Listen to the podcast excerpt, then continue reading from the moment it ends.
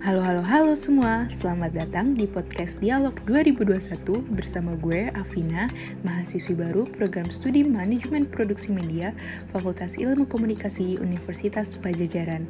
Hmm, hari ini gue mau sharing tentang motivasi belajar gue dan harapan gue selama di Fitkom Unpad.